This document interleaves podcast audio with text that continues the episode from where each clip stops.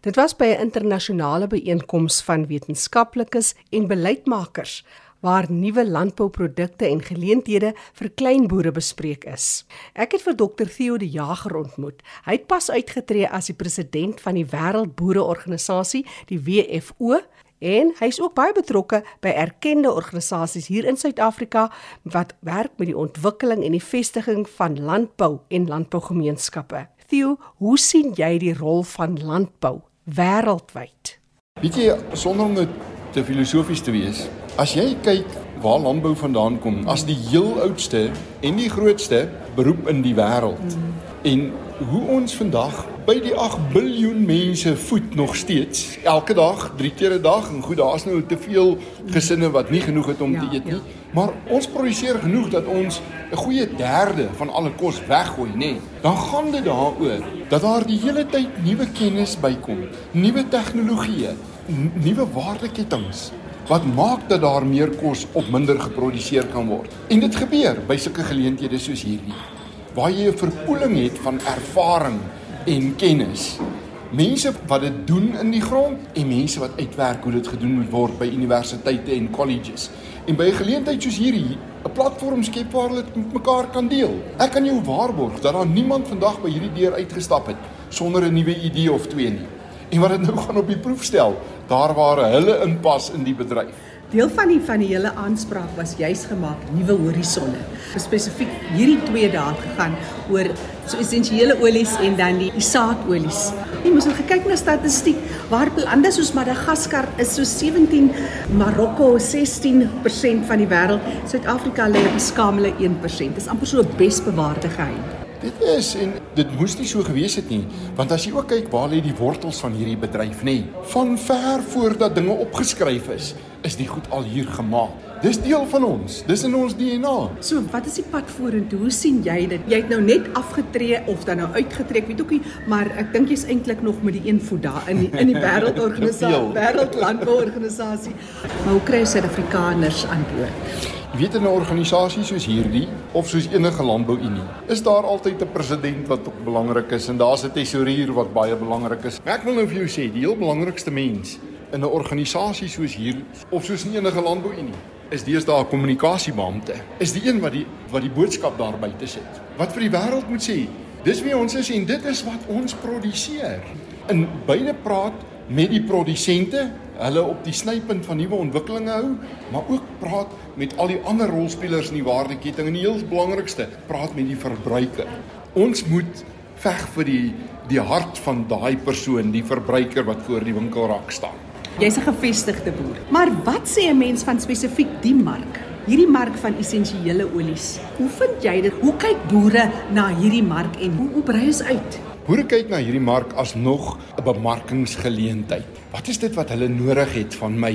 Wat sal hulle van my koop? om hulle essensiële olies van te maak of dit bloekom is of dit boegoe is goed wat ek dalk in die biodiversiteitsgebiede op my plaas het want elke plaas het maar sy deeltjie wat 'n mens probeer bewaar en beskerm soos wat die liewe Vader dit nie begin van tyd gemaak het. Boere sien hierin 'n geleentheid om te diversifiseer. En as ons skielike haalstorm het of ons het hoë wind of 'n marktuimel in duie dan kan ek nog altyd hierdie deeltjie ook verkoop en dalk net 'n bruggie bou van die moeilikheid waarin ek nou is tot die volgende cheque wat ek kan inkry vir my volgende ehm um, oes wat moet inkom in in so. Dis een kant daarvan. Ja. Weet jy hoeveel van die wortels van hierdie bedryf is in 'n plaas kombuis waar 'n boervrou gesê het ek hoef nie net deeldag te sit en kyk hoe my man stof maak daar op die lande nie. Kyk of ek nie kan begin waarde toevoeg nie.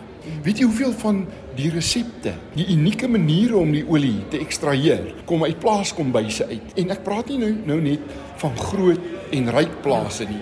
Weet jy hoeveel daarvan kom uit diep landelike gemeenskappe wat families is wat al 10, 12, selfs 15 geslagte in daai gebied is. Daarom het ons gehoor vandag, die produkte waaruit dit gemaak word, nê, nee, dis by uitstek. Daai tradisionele produkte waarvan die mens geleef het voordat ons begin opskryf het. As jy dit gesê het, Theo, dink ek onmiddellik aan byvoorbeeld daai semi-woestyn. Ja. Ideaal vir iets soos 'n nuwigheid, soos saffraan ja. byvoorbeeld. Ja. Hoe kry 'n mens boere om hulle kopskuif te maak?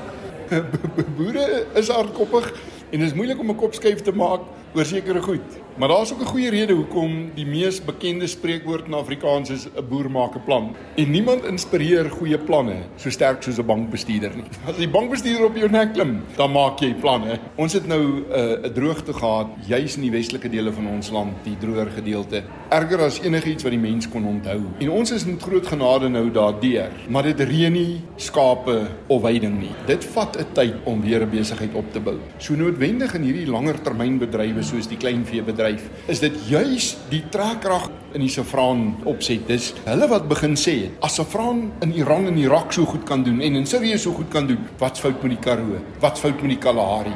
En ons het in Agriol Africa 'n paar van ons vennote dit gaan haal daar en op die proef begin stel hier om te kyk of ons die droogte getuisterde boere in ons droë gebiede kan help. En dit werk baie goed. Jy weet, die Karoo het nie nuwe boere nie. Mense wat in die Karoo boer, is van daai stof gemaak, van daai klippe. En as ons hulle verloor, gaan ons hulle nie weer terugkry in daardie gebiede nie. Daarom moet ons ook uit die bedryf uit allerlei planne maak om te kyk hoe kan ons ons boere op hulle plase hou.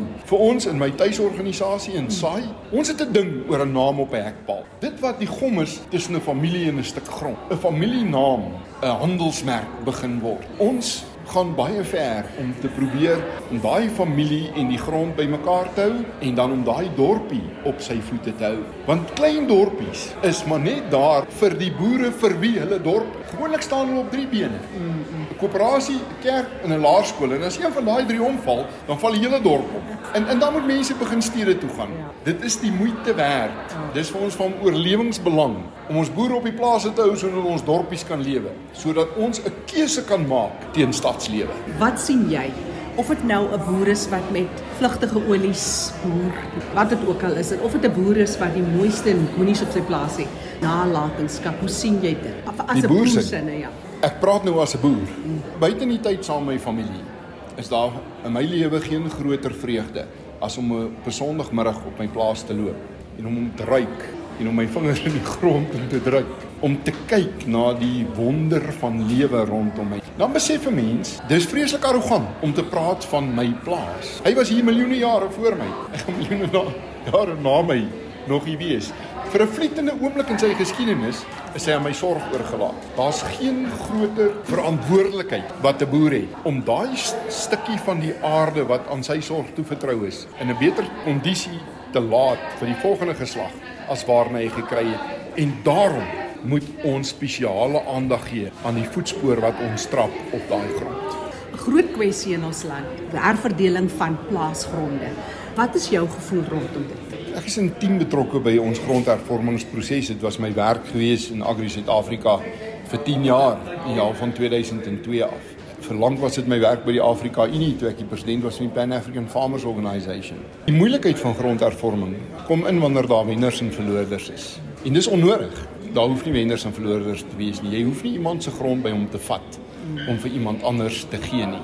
Want die mens is nog belangriker as die grond. Die grond is baie belangrik, maar die mens is nog belangriker as die grond. En ons moet werk met mense wat kies om op die grond te wees. Dis dis 'n fundamentele keuse wat 'n senior tiener maak wanneer hy 'n beroepsloopbaan uitoefen. Ons het te veel mense op grond gesit wat nooit bedoel het om boere te wees nie.